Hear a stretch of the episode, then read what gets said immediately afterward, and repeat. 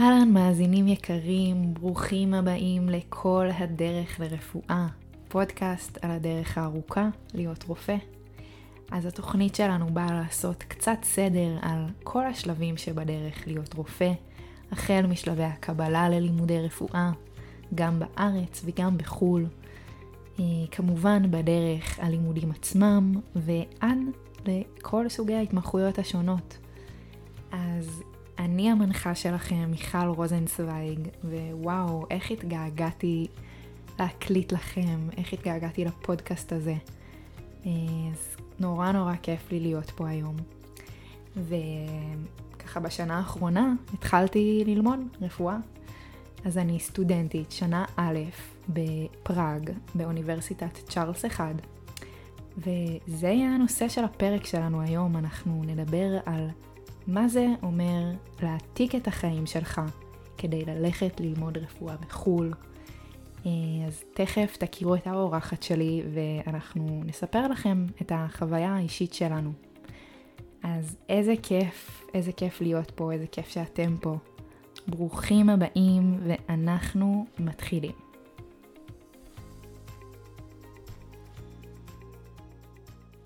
אז היום אנחנו הולכים לדבר על החוויה הדי מטורפת הזאת של להעתיק את החיים שלך כדי ללכת ללמוד רפואה בחו"ל. אמ, אז נמצאת איתי פה היום יעל רובינשטיין, שהיא חברה טובה שלי כבר מהמכינה ללימודי הרפואה בחו"ל. אז היי, מה קורה? שלום. איזה כיף לי שאת פה. גם לי כיף להתארח פה. אז אנחנו הולכות לדבר היום על מה זה להעתיק את החיים שלך לחו"ל, אה, ומה זה אומר בכלל להיות סטודנט לרפואה מחו"ל. אה, האמת שזה פרק שנראה לי שהיה לי הכי קשה לחשוב בכלל איך מתחילים לספר מה זה, מה עובר עלינו שם, אה, מה בכלל גרם להחלטה ללכת ללמוד רפואה בחו"ל. ככה ממש היה לי היה לי קשה לסדר את כל המחשבות שלי לאיזה קו אחד. אז אמרתי שנראה לי שפשוט נתחיל מההתחלה. איך הכרנו, את זוכרת? כן. uh, במכינה של משה כהן. נכון, במדיקל דוקטור. נכון. הגענו... ראית אותי ואת ניצן, וסיפרנו לך שאנחנו חברות מהבית, ואמרת, איזה כיף לכן. והיית ממש חמודה. וזהו, ואז נראה לי אחרי זה כזה, הכי הזמנו אותך לכל דבר שעשינו. אה, זרה משם, היה חיבור טבעי. האמת שכן. בעצם הגענו למכינה ל... ללימודים בחו"ל, זו מכינה שבעצם לימדה אותנו את כל הנושאים שצריך אה, כדי אה, לגשת למבחנים בכמה מדינות באירופה. וממש היה לנו די חיבור טבעי מההתחלה. אמ, ובעצם עשינו את המכינה, ניגשנו למבחנים, אה, אז הרגשנו שזה הדבר הכי קשה בעולם והעומס המטורף שהיה עלינו. היינו חסרות פרופורציה. ממש, כאילו לא הולכות לארוחות שישי, לומדות למבחנים אה, כן. לחו"ל. אה, בדיעבד הסתבר לנו שיש דברים יותר קשים. ממש, מתגעגעת לתמימות קצת. ובסוף החלטנו ללכת ללמוד בצ'ארלס אחד, בפראג. אה, תכף עוד מעט נפרט כזה יותר על למה ו... ומה גרם לנו לבחור בזה. אה, ובעצם אחרי המכינה די ישר היה לנו ברור שנחפש דירה ביחד ונגור ביחד, אני, את וניצן. נכון.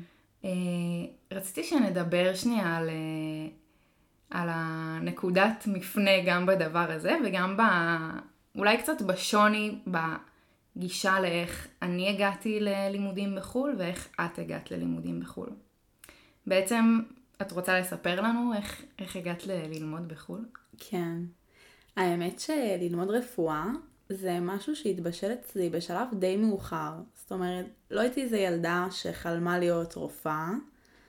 זה לא משהו שכיוונתי אליו מגיל צעיר ככה שבניתי את כל מסלול חיי כדי שזה יגיע לרגע הגדול הזה.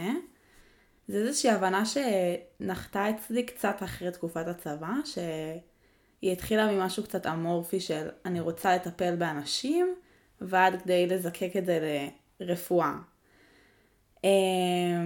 ככה שתוך כדי שלבי הפסיכומטרי לא הייתי מוכוונת עד הסוף לרפואה. אמ, ואז שהבנתי שזה לשם, ושכבר עשיתי שני מועדי פסיכומטרי, קצת הרגשתי שפתאום יש עליי שעון כזה. לא בא לי להתחיל ללמוד בגיל 27. אמ, בא לי להיות גם אימא יום אחד, ובא לי להיות עוד אלף דברים אחרים.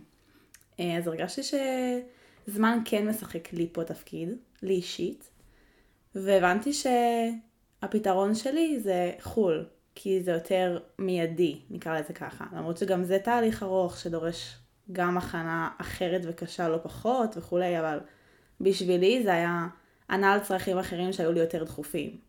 בעצם החלטת אולי לא ללכת בדרך הזאת שהרבה קוראים לה להילחם, ללמוד בארץ ולעשות הכל, גם אם זה אומר אה, אה, עשרה מועדי פסיכומטרי והשלמת בגרויות, את ראית, ממש. ראית אה, אחרי פעמיים שזה פחות עובד ואמרת יאללה אני לא מבזבזת פה את הזמן וכאילו כן. בא לי להתחיל. גם לא היה לי איזה תסכול מזה או כעס מזה, כאילו קודם כל הבנתי את הסיבות שמובילות אותי לרצון קצת להזדרז.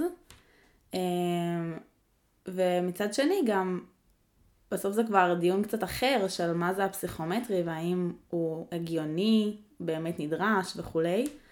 אני באותו זמן ראיתי את זה כחוקי משחק, וקצת בחרתי שלא לשחק את המשחק הזה. כאילו בחרתי ש... זה לא מה שיסכם אותי, יחליט בשבילי מה ומי אני אהיה. אז פשוט החלטתי לשחק במגרש אחר, נקרא לזה ככה. ובכללי, איך הגעת לזה שבתוך עולם הטיפול דווקא לרפואה? כי יש לך קשר ל- לעולם הטיפול בבית. כן. Um, אני חושבת שבסוף, קודם כל, אימא שלי מיילדת, ותמיד זה היה נחמד לראות אותה מאוד מסופקת מהעבודה שלה ואוהבת את מה שהיא עושה.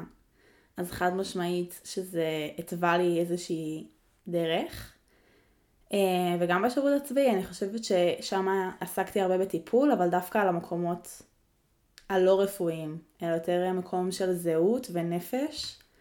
אה, והבנתי שזה מעניין אותי, אבל זה לא מה שאני רוצה לעשות בעולם, בחיים שלי. אה, אז דווקא מהצד שלי אני חושבת שאני כן הייתי יותר בצד של להילחם על ללמוד בארץ, עשיתי כמה וכמה מועדי פסיכומטרי, אה, השלמתי, עשיתי כזה את השילוש הקדוש, כאילו הלכתי כל הדרך אה, הישר להילחם על להישאר פה. וגם אני חושבת שאני כן הייתי מוכוונת לזה מגיל מאוד צעיר.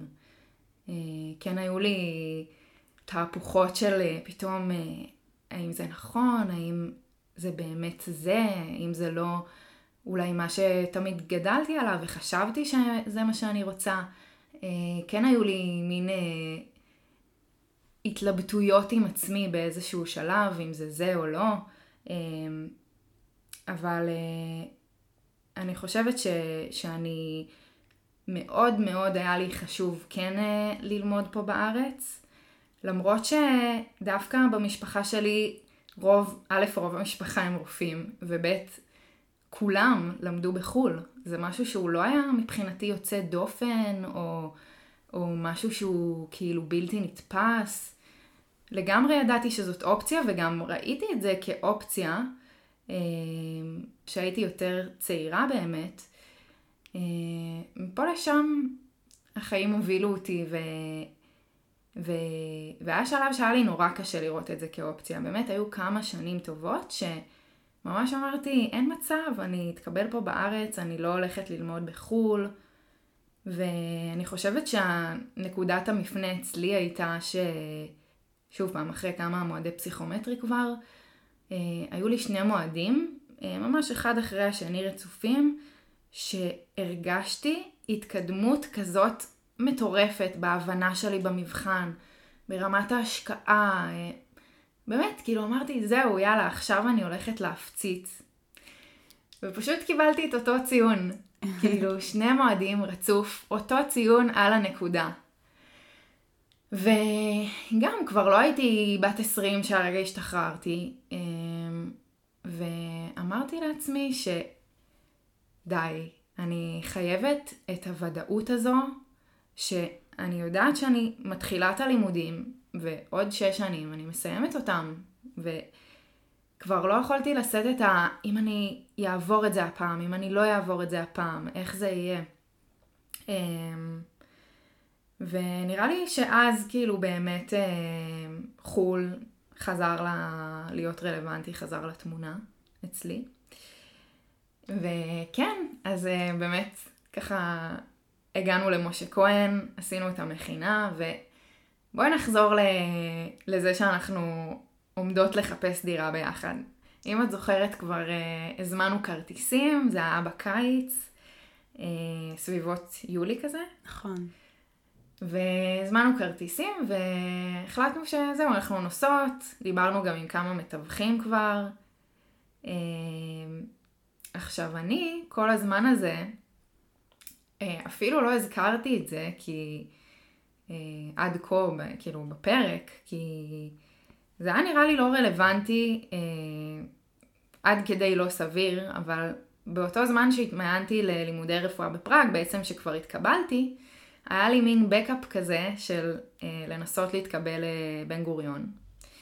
אז אה, ככה תוך כדי אה, נגמרה המכינה, אה, בינואר בערך, אה, וככה תוך כדי שהייתי במין שגרה כזו של אה, עבודה וכל אה, מיני אה, דברים ככה להעביר את הזמן, הגשתי קורות חיים לבן גוריון, וניגשתי למבחנים הממוחשבים שלהם.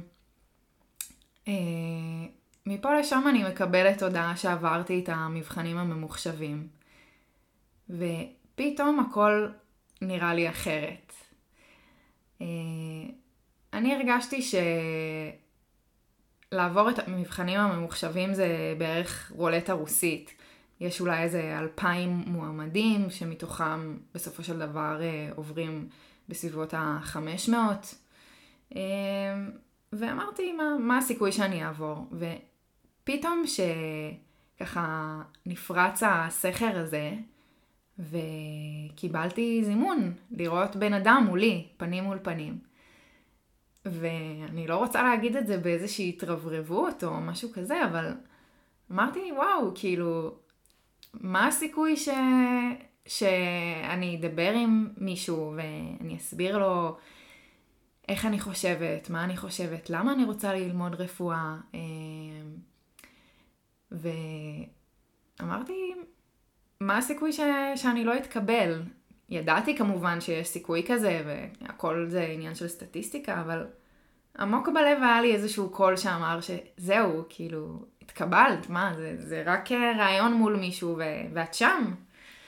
אמ, אז מפה לשם ככה, long story short, לא התקבלתי לבן גוריון.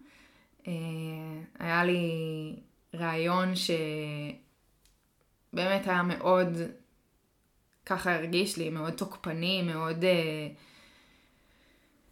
מנסה להפיל אותך על uh, דברים uh, מאוד לא מהותיים, וככה יוצא שאת ו...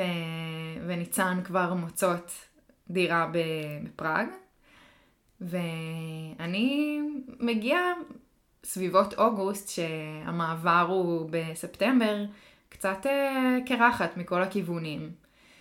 אה, כמובן שכבר אה, התקבלתי ללימודים, וזה ככה, זה כבר כן היה לי בכיס, אבל פתאום הייתי צריכה למצוא שותפים חדשים ולמצוא דירה מהרגע להרגע.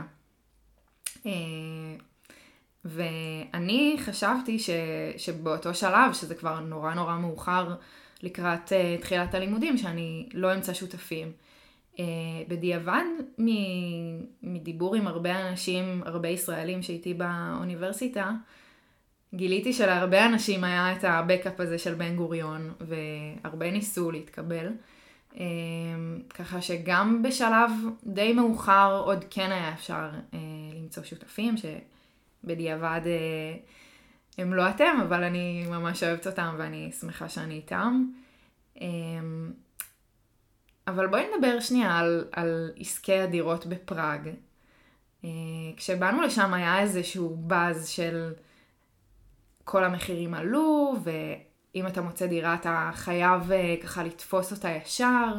איך את הרגשת את זה שנסעת למצוא את הדירה? כן, האמת שזאת הייתה קצת האווירה.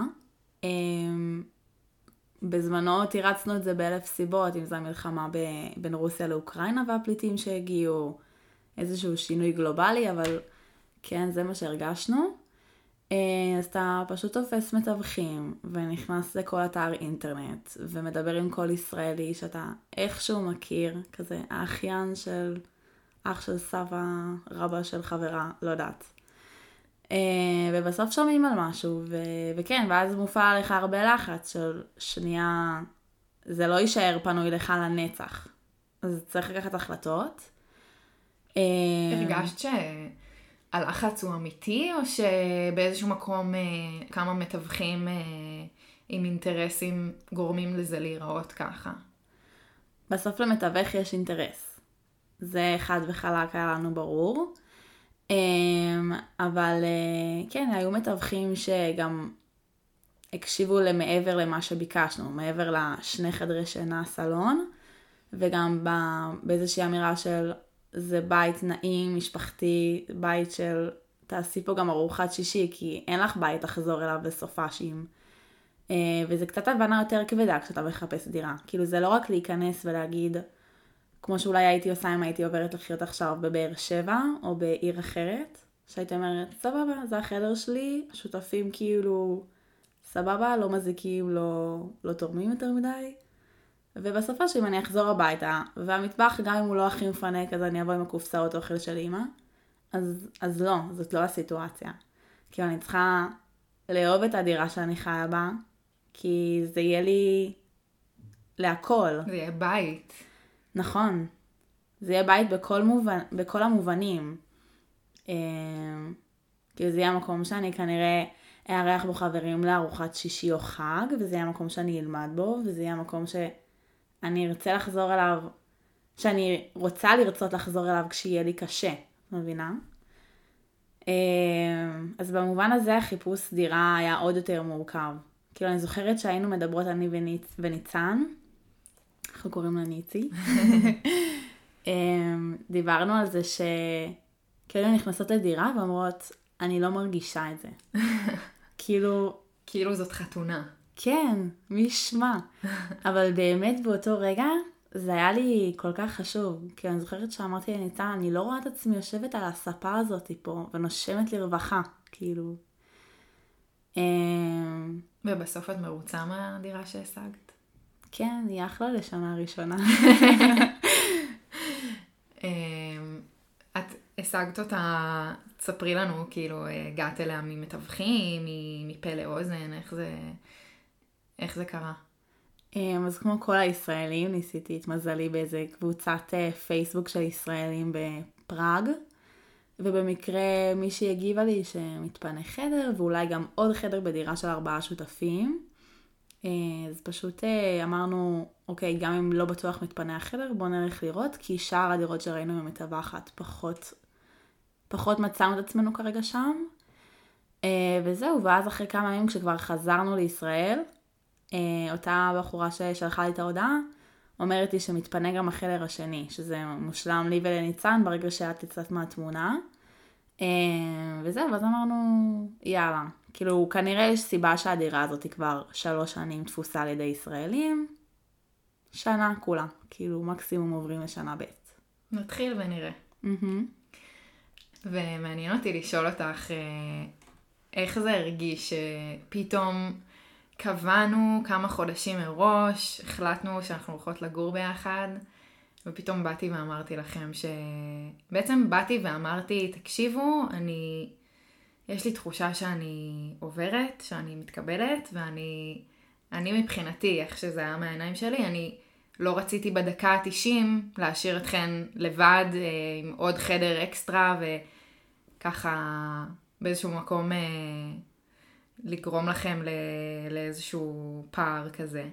אז איך זה הרגיש לך? אמ, אני חושבת שמאוד הבנתי אותך, כי בסוף כל אחד יש לו דרך משלו בתוך כל התהליך הזה. יש כאלה שישימו את כל, את כל היכולות שלהם למקום אחד כדי להגדיל את הסיכויים שם, ויש כאלה שיפצלו את זה, ובסוף אתה יורה אלף חיצים במטרה להתקבל לאנשהו. גם עשינו ככה במכינה בסוף, כאילו ניגשנו ליותר מכמה אוניברסיטאות. אמ, אז מאוד התבאסתי בשביל החוויה שיכלה להיות לנו, אבל בסוף ארגנתי מאוד, ואני חושבת שאת אולי היום בפראג, בהרגשה שלפחות ניסית הכל, וכזה ויתרת על הזדמנות לגור עכשיו עם שתי חברות טובות, ועל חוויה של אולי גם קצת טיול בפראג לפני שאנחנו מגיעות, בשביל לשבת ולהתכונן, ו... ואם בכל זאת זה לא קרה, זה כנראה איפה שאת צריכה להיות היום. לגמרי. Uh, וזהו, ואני חושבת שבסוף כאילו יש לנו כמה שנים טובות שם, אז uh, לכי תדעי, אולי עוד נהיה שותפות. אני חושבת שא' זה מחשבה סופר בוגרת ו... ומדהימה, שככה ככה את רואה את זה וככה קיבלת את זה. אני מהעיניים שלי נורא פחדתי לפגוע בכן, וגם נורא פחדתי מה שבפועל קרה, אבל נורא פחדתי גם uh, בסוף להישאר לבד. Uh, אז uh, באמת מדהים שאת ככה מצליחה לראות את זה, לפחות אז הצלחת. אז ככה, לסיום החלק של עסקי הדירות, את חושבת שיש לנו איזה טיפ לתת לחבר'ה שיבואו שנה הבאה ללמוד בפראג על איך שווה למצוא דירה, או אולי איפה כדאי להם לחפש את הדירה? אני חושבת שעם כמה שתיארתי את זה כלחפש בית, וזה נשמע מצחיק, אני שמחה שלא התפשרתי על זה. כאילו, אני שמחה שאני היום גרה בדירה שמרגיש לי בנוח לשבת בספאבה, לצורך העניין. אמ, זה א', וב', אני חושבת ש... השותפים זה משהו מאוד חשוב, ואני יכולה להגיד את זה גם בתור מישהי שנכנסה לדירה עם שני שותפים משנה שישית. לא הכרתי אותם חוץ מאותו יום שהגעתי לראות את הדירה, והם התגלו כתוספת מדהימה לשנה הזאת, ממש כמו אחים גדולים, שהם מייעצים ומכווינים וכזה עוטפים אותך בשנה הכי מלחיצה. אה, וללא ספק השנה שלי הייתה נראית אחרת, אם לא הייתי עם ניצן שהיא חברה טובה, ועם אה, יוסי ויונתן שהם השותפים שלנו. האמת, אחד הדברים שאני אוהבת במוסד שאליו דווקא הגעתי זה שקצת חשבתי שאני הולכת להגיע למקום כמו בצבא, שיש פזם, והכי התבדיתי, כאילו זה הכי לא מה שקורה שם.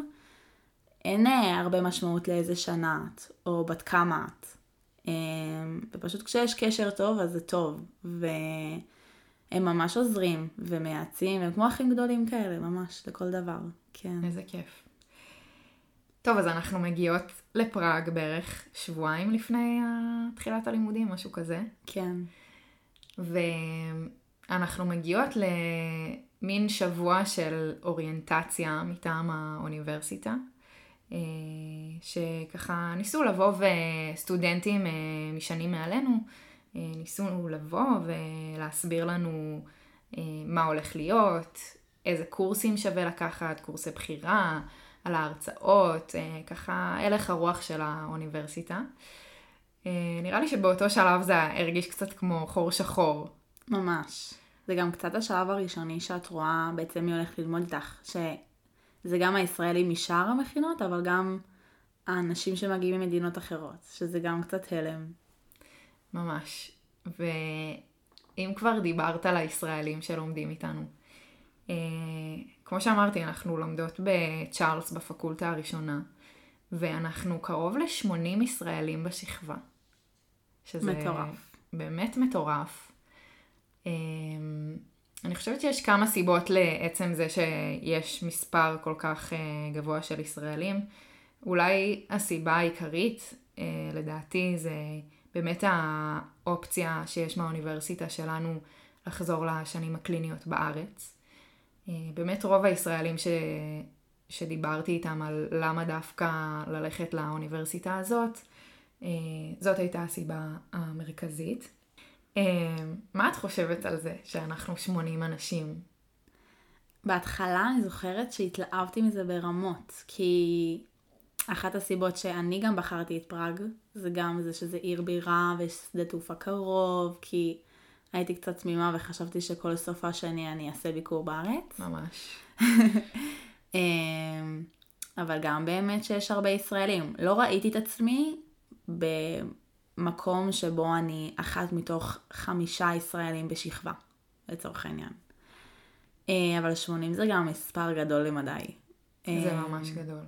זה קצת אווירה של תיכון. פתאום יש את החבורות, פתאום יש את הקטעים בין החבורות. זה, זה מחזיר אותי אחורה במובן הזה. אבל מצד שני, אני חושבת שבסוף, כאילו... בסוף אתה... זה גם יכול להיות באיזשהו מקום יתרון. לגמרי. כאילו, בסוף אתה גם... זה נחמד שאתה בוחר מתוך מבחר, ואתה לא צריך להתפשר. בדיוק. וזה נחמד שגם אם עוד לא מצאת, כאילו, כי בסוף בואי, אנחנו חצי שנה שם, שאנחנו בלי סוף בתוך הלימודים. לא בהכרח עד היום מצאתי את האנשים שהכי טובים לי. אבל אני יודעת שיש לי עוד אנשים שעוד לא, לא דיברתי איתם עדיין. שלפחות יש פוטנציאל. יגיע. כן, מתישהו זה יגיע. כאילו, גם אין לי לחץ על זה, כאילו, יכול להיות שזה ממקום אה, דווקא מאוד בטוח, כי הגעתי איתך ועם ניצן. אז מבחינה חברותית אני מרגישה שיש לי את השתי חברות הכי טובות שלי, שאני יכולה לפנות אליהן בשעת צרה, וכל השאר זה בונוס כזה. כי בסוף כמה חברים אתה צריך ביום יום, כשיש לך לו"ז עמוס ומלא מבחנים, ולהספיק אולי באמצע גם קצת ללכת לעשות אה, איזה שיעור ספורט או משהו בשביל עצמך, לא נשאר לך הרבה זמן לחברה. אה, אז נראה לי שזה גם טוב להגיע לזה באיזושהי הבנה כזו שמתוך כל האנשים יש לך את הזכות לבחור ו- ובנחת כזה. כי זה גם יכול להלחיץ כשאתה נמצא בתוך שכבה כזו גדולה, כשכל אחד מחפש את עצמו, וזה מאוד מהר נהיה מקוטלג. אני חושבת שלגמרי יש לזה יתרונות וחסרונות. אה, יתרונות באמת, כמו שאמרנו, היכולת לבחור, אה, שאתה ככה לא מתפשר על אנשים כי זה מה יש. אה, מצד שני, אני כן יכולה לחשוב על סיטואציה שאולי אנשים נאבדים שם, שיש כל כך הרבה אנשים וכביכול אולי לא רואים אותם, או באיזשהו מקום נבלעים בתוך כל הדבר הזה. ככה שאני חושבת שזה נותן לך יותר יכולת בחירה, אבל אתה גם צריך להיות יותר אקטיבי. נכון. כדי באמת להצליח להקיף את עצמך ב... בחבר'ה ש... שסבבה לך, שכיף לך איתם. אה, כי אולי אם לא, אז, אז באיזשהו מקום תיבלע כזה. מישהו משנה ב' אמר לי לא מזמן, שחבר'ה ששרדו את השנה, במרכאות, הם אלה שהיה להם מסגרת חברתית תומכת. לעומת מי שפרש, שבסוף הוא לא פרש רק מסיבה לימודית, אלא גם מסיבה חברתית. אני באמת חושבת שזה אולי הדבר הכי חשוב, שאתה גם הולך ללימודים כאלה אינטנסיביים, ובטח ובטח שבחו"ל, שבסופו של דבר אתה, אתה לבד, אתה לא עם המשפחה, אתה לא עם החברים מהבית, אתה במקום חדש לגמרי. ואם אין לך את, ה, את האנשים האלה, גם לא חייב שהם, שהם יהיו רבים. יכול להיות שבאמת יש לך את השני חברים אבל הטובים, וזה ישנה את כל החוויה. נכון. ממש לטוב או לרע. זה... אני חושבת שזה באמת, באמת אה, אחד הדברים החשובים. נכון. אה, בא לי גם לתת לזה שנייה קונטרה אחרת, שבסוף אחת ההכנות, אני חושבת, הכי חשובות שיש לעשות במובן הזה, זה להכין את עצמך לזה שאתה גם הולך להיות בסוף בודד רוב הזמן. כאילו, עם כמה שתהיה לך בסוף מסגרת חברתית טובה ותומכת, אתה עדיין תחווה לא מעט רגעים שתרגיש בהם הכי לבד בעולם. לגמרי. פיזית ונפשית ומנטלית. ממש. מצד אחד אתה מרגיש הכי עטוף ונאהב ומקבל כמה הזמנות ליום שישי בערב ומרגיש שאתה על גג העולם לארוחת שישי. ומצד שני, אתה יכול לסיים יום קשה, ארוך, ותרגיש שאף אחד לא מבין אותך. גם כאילו הבן אדם שהכי אמור להבין אותך. כי בסוף זה הרבה רגשות אישיים ורגעים קטנים כאלה שאתה לפעמים אפילו תשאל את עצמך כזה, וואי, למה זה כזה מפריע לי? למה, למה אני מרגישה ככה עכשיו? ואז אולי אחרי כמה ימים תדעי להגיד את זה לעצמך ש... אוקיי, אולי כזה ראיתי חברים שלי מהבית שנפגשו ולא הייתי שם איתם וזה כואב, וזה מתווסף לאיזה יום שמורה אמר לי משהו מעצבן בכיתה.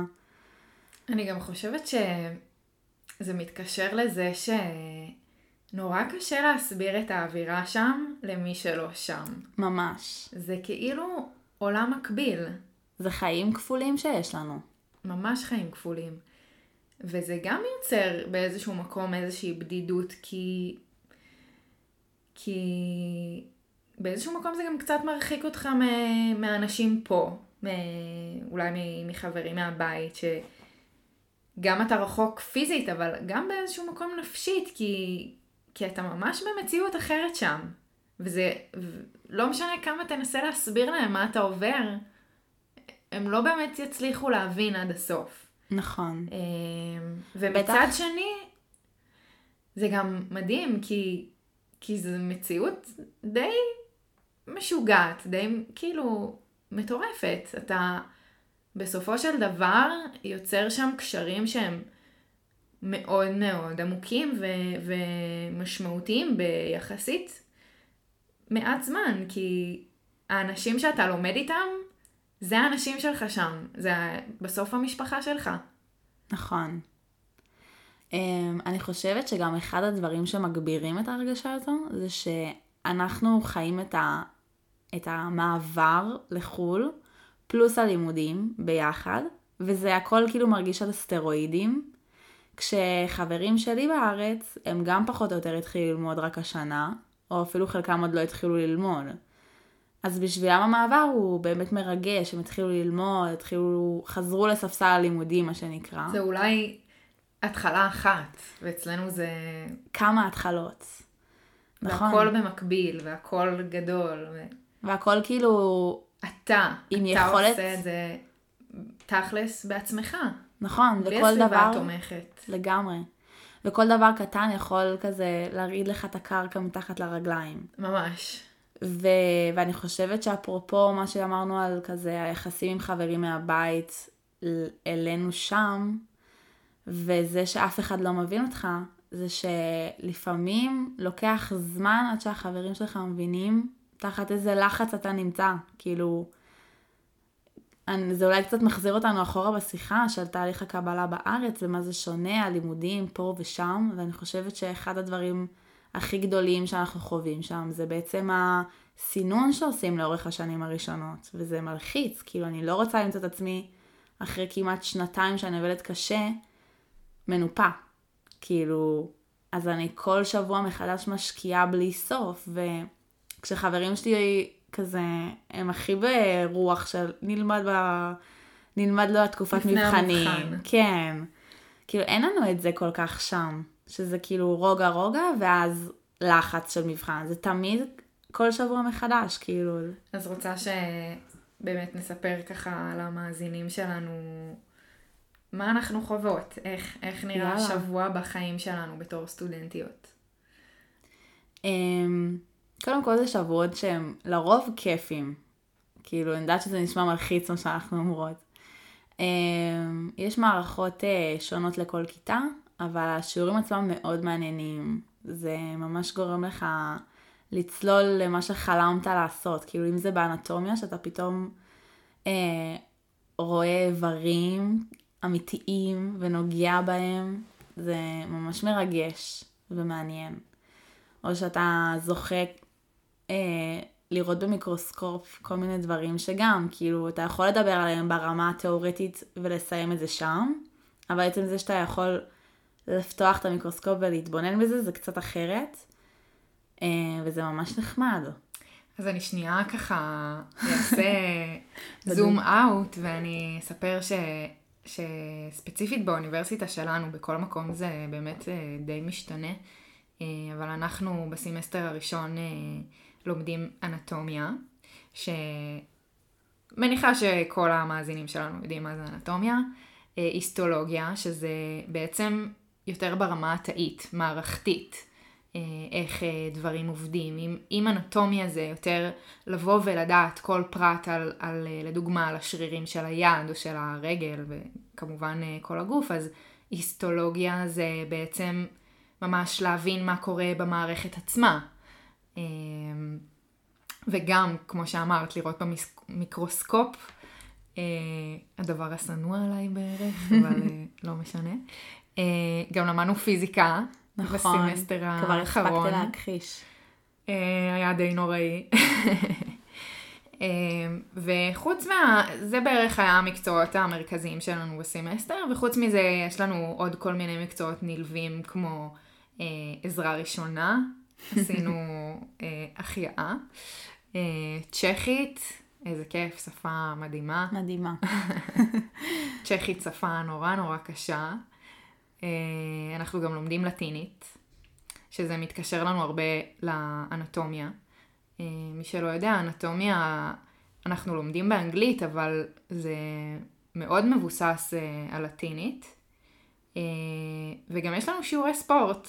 איזה כיף. ממש חזרנו לתיכון. ממש. נוכחות חובה, מסמן במחברת שלו. אז זה בגדול ככה הסילבוס שהיה לנו בסמסטר האחרון. אנחנו מתחילות את הלימודים שוקיסטיות של החיים. ממש. ואני זוכרת שאני בשבוע הראשון לא הבנתי איך לומדים. אני פותחת ספר, אני הולכת להרצאה, לא הולכת להרצאה, אה, רואה אותה ב... בווידאו, כאילו, ב... לא, לא ידעתי איך עושים את זה. אה, את זוכרת? איך זה כן. היה? כן. אני חושבת שעד היום אני לא מספיק יודעת להגיד מה הדרך האחת שלי שמביאה לי הצלחה בטוחה.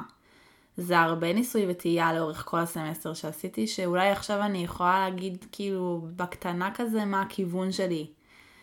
אה, אבל כן, זה אחד גם הדברים הכי, זה נראה לי השיעור בסילבוס במרכאות הכי קשה שיש לנו. ממש. ללמוד איך ללמוד. בטח כשלא למדנו כמה שנים. אני גם חושבת ש...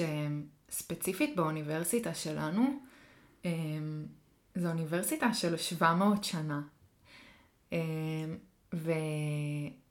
ובאיזשהו מקום זה קצת מורגש. אמ, אני חושבת בגישה שזה מאוד אוטודידקטי, מאוד. אתה צריך, אפילו ברמת ה... אין סילבוס. הם לא נותנים לך סילבוס של הנה תדע א', ב', ג', זהו, אתה מוכן למבחן. לא. הם נותנים לך נושא ברמת ה-GAT, אה, מערכת העיכול, תדע על זה הכל.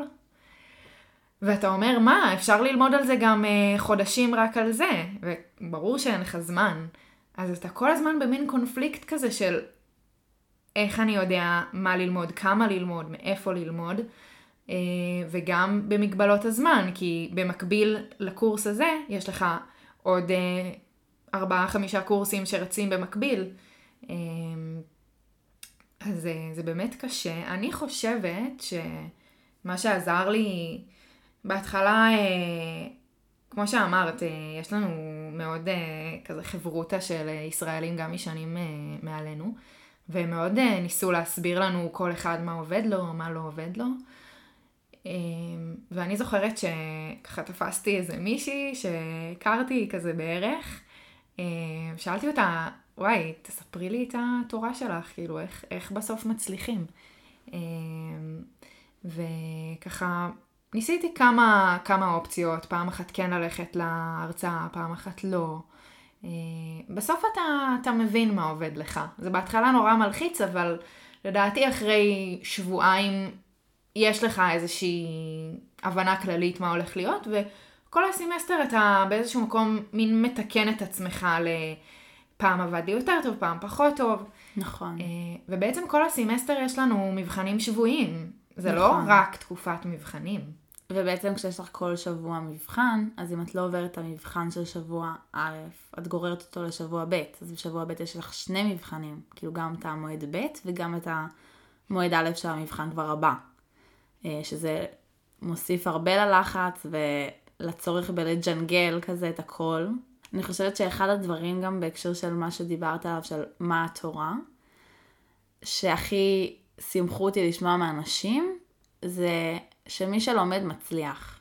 כאילו, אחת, אם אני חוזרת אחורה כזה לפסיכומטרי וזה, לי יש איזושהי הרגשה שהחבר'ה שמצליחים בפסיכומטרי, לפחות בפעמים הראשונות, הם איזה ילדי פלא כאלה. ואז הם בדרך כלל גם הולכים לרפואה, או איזה למקצוע מפוצץ אחר. ואז זה יוצר אצלי את הרושם שהמקצוע הזה שייך לילדי פלא. ואז כשאת שומעת משפט של מי שלומד מצליח, זה שנייה מוריד את כל הדבר הגדול הזה לקרקע, ואת מבינה שזה אפשרי, כי אני הרי אלמד, כאילו באתי לפה כדי ללמוד, אני לא באה לזלזל במה שאני עושה, אז אני אשב ואני אלמד ואני אצליח, וזה נותן לך כאילו מוטיבציה. אז בעצם, כמו שאמרנו, יש לנו את המבחנים השבועיים האלה, ואין לך שנייה אחת להוריד את הרגל מהגז. אתה לא יכול להגיד, היום יאללה, היום אה, שבת או ראשון, במקרה ששם הסופש, היום אני לא לומד. זה, אין את זה. נכון. ו... וזה לא שככה רק האנשים הלחוצים כל הזמן לומדים, לא, כולם לומדים כל הזמן. אמ, שזה גם קושי בפני עצמו, אין לך דקה לנשום. כן. אמ, ואתה גם חי תמיד את ה FOMO. אבל אתה FOMO במקום הלימודי. כאילו, אתה נכון. תצא לעשות כיף רגע, ואז אתה תיכנס לאינסטגרם, שזה שקר החיים הגדול, ואתה תראה פתאום סטורי שאנשים לומדים. עכשיו בואו, הם צילמו את הסטורי הזה, הם כנראה לא לומדים, אבל אתה פתאום תחשוב על מה יכולת לעשות בזמן הזה שהלכת סתם ליהנות בהקשר הלימודי. כן, זאת הרגשה קשה. אמ, מצד שני, איך אפשר להיות אפקטיבי 10-12 שעות ביום. נכון, אני חושבת שזה גם משהו שצריך ללמוד תוך כדי. אה, איך לגרום לעצמך, איך לתדלק את עצמך באיזשהו מקום. אם זה אה, ללכת להתאמן בערב, או שנייה לצאת לאכול, לראות חברים. אה, מרגישה שיש לנו שם חיי חברה? אני חושבת שלא מספיק. כי אני חושבת שאחד הדברים שהכי מאפיינים שנה א', לפחות זה מה שאני שומעת מ... מאנשים שעברו את זה, שזה באמת שנה של לחץ, שאתה לא מרשה לעצמך בעקבות זה כלום. אה, וזה מבאס, והייתי רוצה יותר, חד משמעית. אני חושבת שאנחנו נגיע לזה. אנחנו צריכים כן. אה, שנייה להקל, שנייה אה, ככה עברנו את התקופת מבחנים הראשונה. נכון, אה, שהורידו לנו איזה כמה שנים מהחיים. וואו, ממש. בוא נדבר על זה. איך זה וואו. תקופת מבחנים באוניברסיטה שלנו? אה, קודם כל, נראה לי שהמבחנים שלנו זה גם אה, דבר מגניב בפני עצמו. בחיים לא חשבתי להתלבש יפה למבחן. כאילו בתיכון הייתי מגיעה לבגרויות עם כפכפים ועט פיילוט. שכזה מחזיקה אותו ביד. אז רק אה, ככה אני אספר לכם שאצלנו הקוד לבוש למבחנים זה טוקסידו ושמלות וחליפות לבנות, אה, שזה די מגניב. נכון. נראה לי זה באיזשהו מקום נותן כבוד למבחן ולמקצוע. ממש. כן. ממש. אה, אתה מגיע ל... למבחן בעל פה, מול בוחן, אתה מול הבוחן, ו... אין מקום לחרטט. כאילו, כן. יש מקום לחרטט, אבל אין מקום ללהביע חוסר ביטחון. זה גם ממש אה, שיעור בתיאטרון, כזה. לגמרי, אני חושבת שזה ממש אה, אומנות בפני עצמה, היכולת להיבחן, או באיזשהו מקום גם אה, להכווין את הבוחן למה שאתה רוצה. זאת אומרת, נכון. לגרום לו לשאול אותך את השאלות הנכונות, את השאלות שאתה יודע. אמ, אז זה גם חוויה בפני עצמה. נכון. וכמובן, לא ציינתי את זה, אבל הכל באנגלית. נכון. אמ, היה לך חשש מזה בהתחלה, לפני שהתחלנו ללמוד? אמ, האמת שלא כל כך. האמת שגם לי לא. אני לא איזה דוברת אנגלית מהבית, אבל uh, בסוף זה מרגיע כשאתה יודע שזה גם לא שפת אם שלהם. נכון, אה, לגמרי, זה לא שהם אה, דוברי אנגלית אה, מאוקספורד או משהו. אה, אני דווקא חושבת שזה ממש יתרון שהלימודים הם באנגלית. אה, מעבר לזה שזה משפר את האנגלית פלאים, אבל אני גם חושבת שעצם זה שבסופו של דבר כל הספרות הרפואית היא באנגלית, ושאתה מ-day one באוניברסיטה קורא ספר... טקסטבוקים שלמים באנגלית, ומאמרים, ופיזית מתקשר עם הפרופסורים שלך באנגלית, אז אני חושבת שאולי בעתיד יהיה לנו יותר קל אם לדוגמה... מחקר. נעבוד במחקר בין היתר, או... אני דווקא חושבת שזה יתרון מטורף. כן. חושבת שבסוף ככה או ככה אנחנו נדע את החומר. באיזה שפה, מה זה כבר משנה, כאילו. אמ, ואם זה יכול לשדרג אותנו ולהקפיץ לנו את השפה השנייה שלנו, אז יאללה, מדהים. לגמרי. אז אה, אנחנו באמת, אה, היה לנו אה, תקופת מבחנים די קצרצרה, של בערך פחות מחודש, נראה לי שלושה וחצי שבועות, משהו כזה. נכון. ושתינו, בעצם עוד משהו שקורה באוניברסיטה שלנו זה ש... אתה בוחר את המועדי מבחנים, את המועדים של הפיינלים. אמ, שמצד אחד זה באיזשהו מקום די הרבה אחריות, זה לא קבעו לי וזהו, אני יודע שזה שם. מצד שני זה נותן אה, חופשיות שהיא די נחמדה. אה, ושתינו בחרנו ככה לעשות את הפיינל הזה בפיזיקה כמה שיותר מהר. אה, כשלא התחלנו עוד ללמוד. כשעוד לא התחלנו ללמוד. וזה גם נראה לי באיזשהו מקום אה, מתקשר ל... לחיות על סטרואידים, כמו שאמרת קודם. לגמרי. אני חושבת שעוד סיבה ללחץ הזה שאנחנו כל הזמן מרגישות, זה שכל דבר הוא גם יכול לבוא על חשבון זמן בית. כאילו כמו שהיינו בצבא כזה, כן, אתה... רוצים לצאת ביום חמישי כמה אשכרה מרגיש לחץ בית. כן. אז אתה רוצה לסיים עם הפיינלים, המבחני גמר האלה, כמה שיותר קודם, או המבחני קרדיט האלה, כדי שזה ייתן לך כמה שיותר זמן להיות בארץ, בחופשת סמסטר. אז אתה דוחק את כל המבחנים שלך לאותו שבוע מסכן בינואר, ולא נושם בשבוע הזה, ובסוף עושים את זה, אבל... לא נושם ברמת ה... קם בבוקר, לומדת 12 בלילה, ככה במשך חודש שלם. כן, באמצע היום כזה אומר לעצמך, מה עשיתי? למה הלכתי על זה? אני מסוגלת לזה בכלל? אולי אני אדחה. אה, מרפרשת את האתר, אם אפשר עדיין לדחות. התפנה אולי יום למחרת. העוד יום הזה ממש יעזור לי. ממש. ושנייה, אני כן רוצה שנחזור רגע למשהו שלי היה מאוד משמעותי במהלך הסמסטר הזה, שזה היה השבועיים של הדיסקציות. וואי, איזה שבועיים חווייתיים.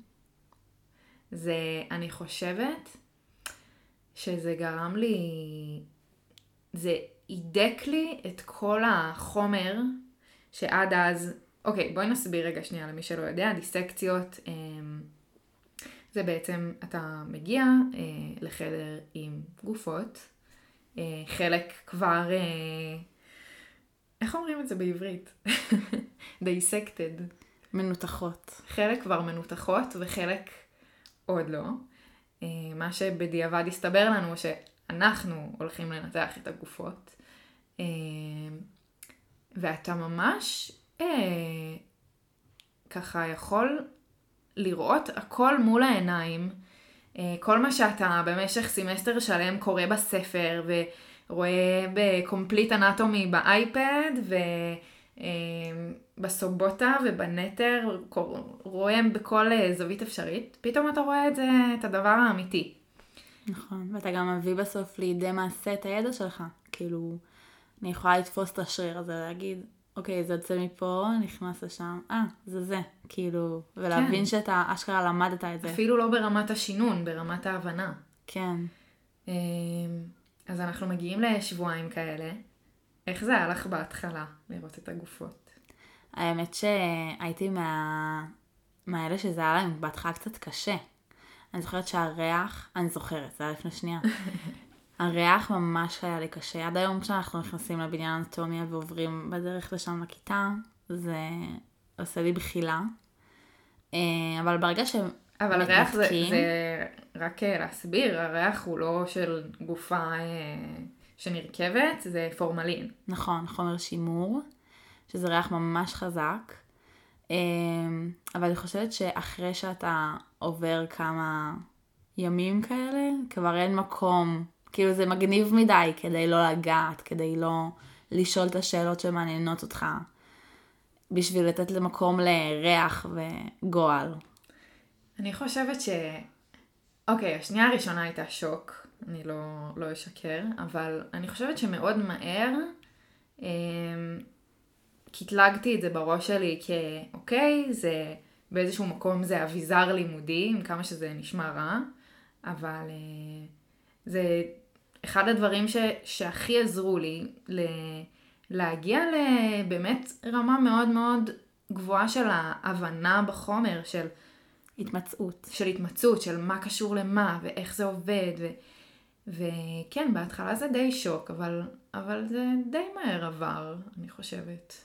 נראה, כן. לי, ש, כן. נראה לי שאתה מבין עד כמה זה, זה משמעותי ללימודים שלך, ו... ואתה קצת מדחיק אולי את, נכון. ה, את העניין הזה שזה גופה אמיתית. כן. בסוף אה, מתרגלים. כאילו, אנחנו גם נראה את זה עוד בהמשך השנה שלנו עוד הרבה, אני שמחה על זה. לגמרי. אז באמת, אה, ככה כבר אה, אמרנו שאנחנו פה בחופשת סמסטר. את מעכלת בכלל מה שאנחנו עוברות שם? כן ולא. כאילו, יש דברים שגם לפעמים אי אפשר לעקר, או שלנבור בהם קצת יותר מדי כבר לא, לא יביא איזושהי תועלת.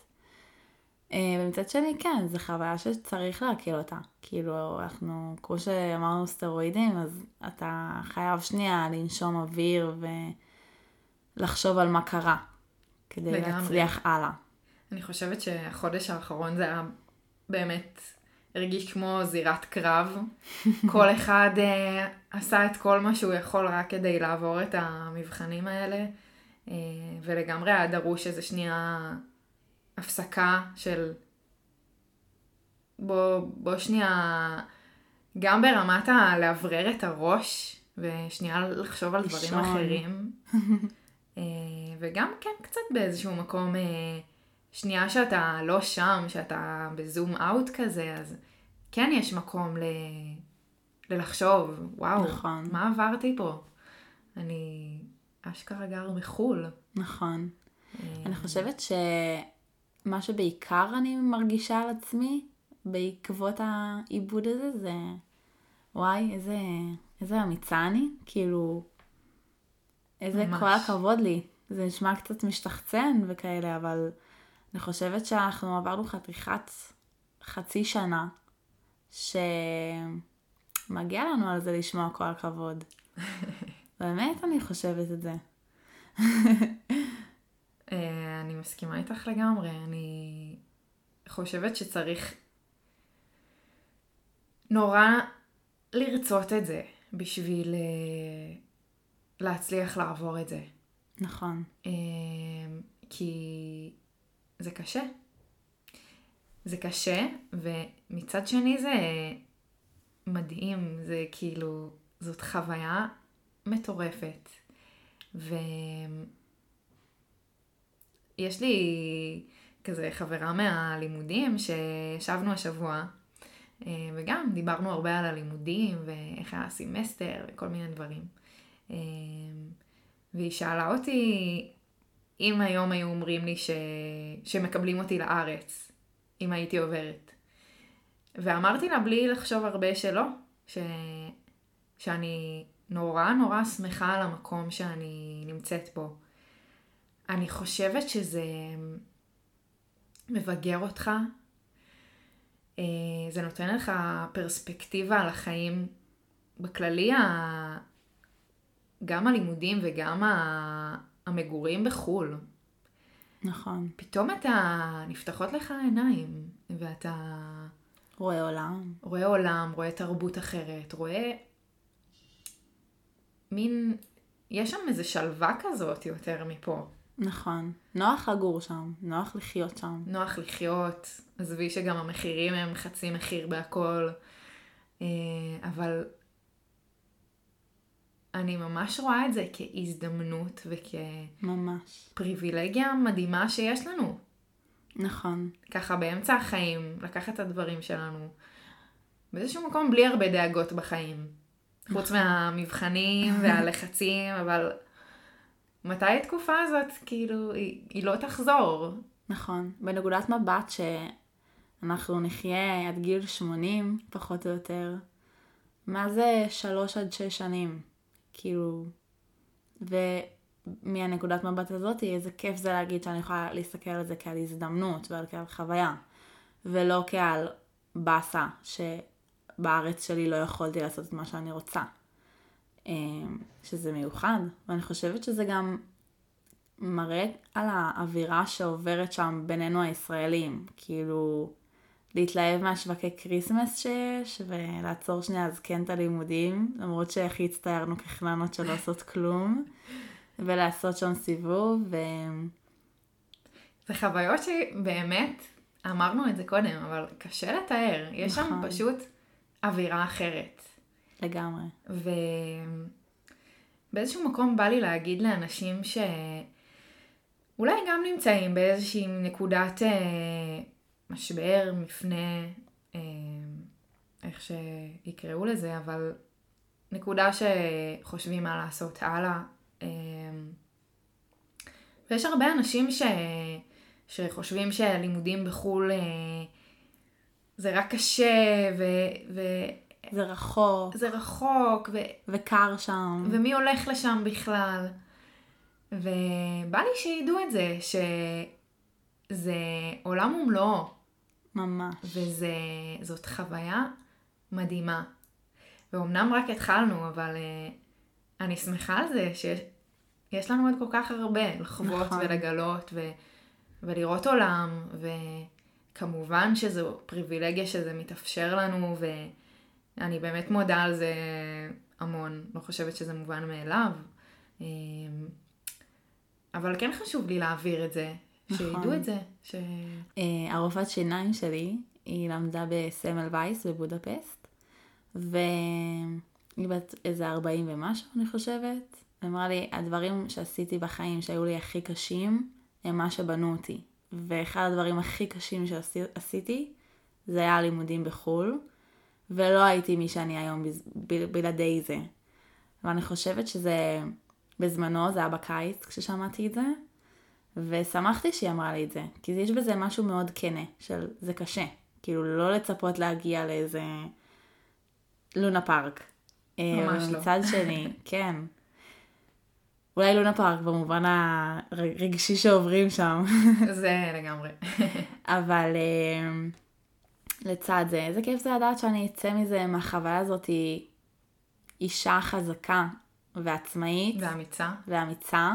עם התעודה שאני חולמת שתהיה לי, וזה מרגש אותי. אני חושבת שזה, כמו שאת אומרת, לקחת את זה כהזדמנות, ולא כמקום של לא התקבלתי. כן, ו... באיזשהו מקום של אולי עלבון, או אגו כזה של אה, וואו, לא רצו אותי, או אלף ואחת אה, דברים אחרים, אבל אה,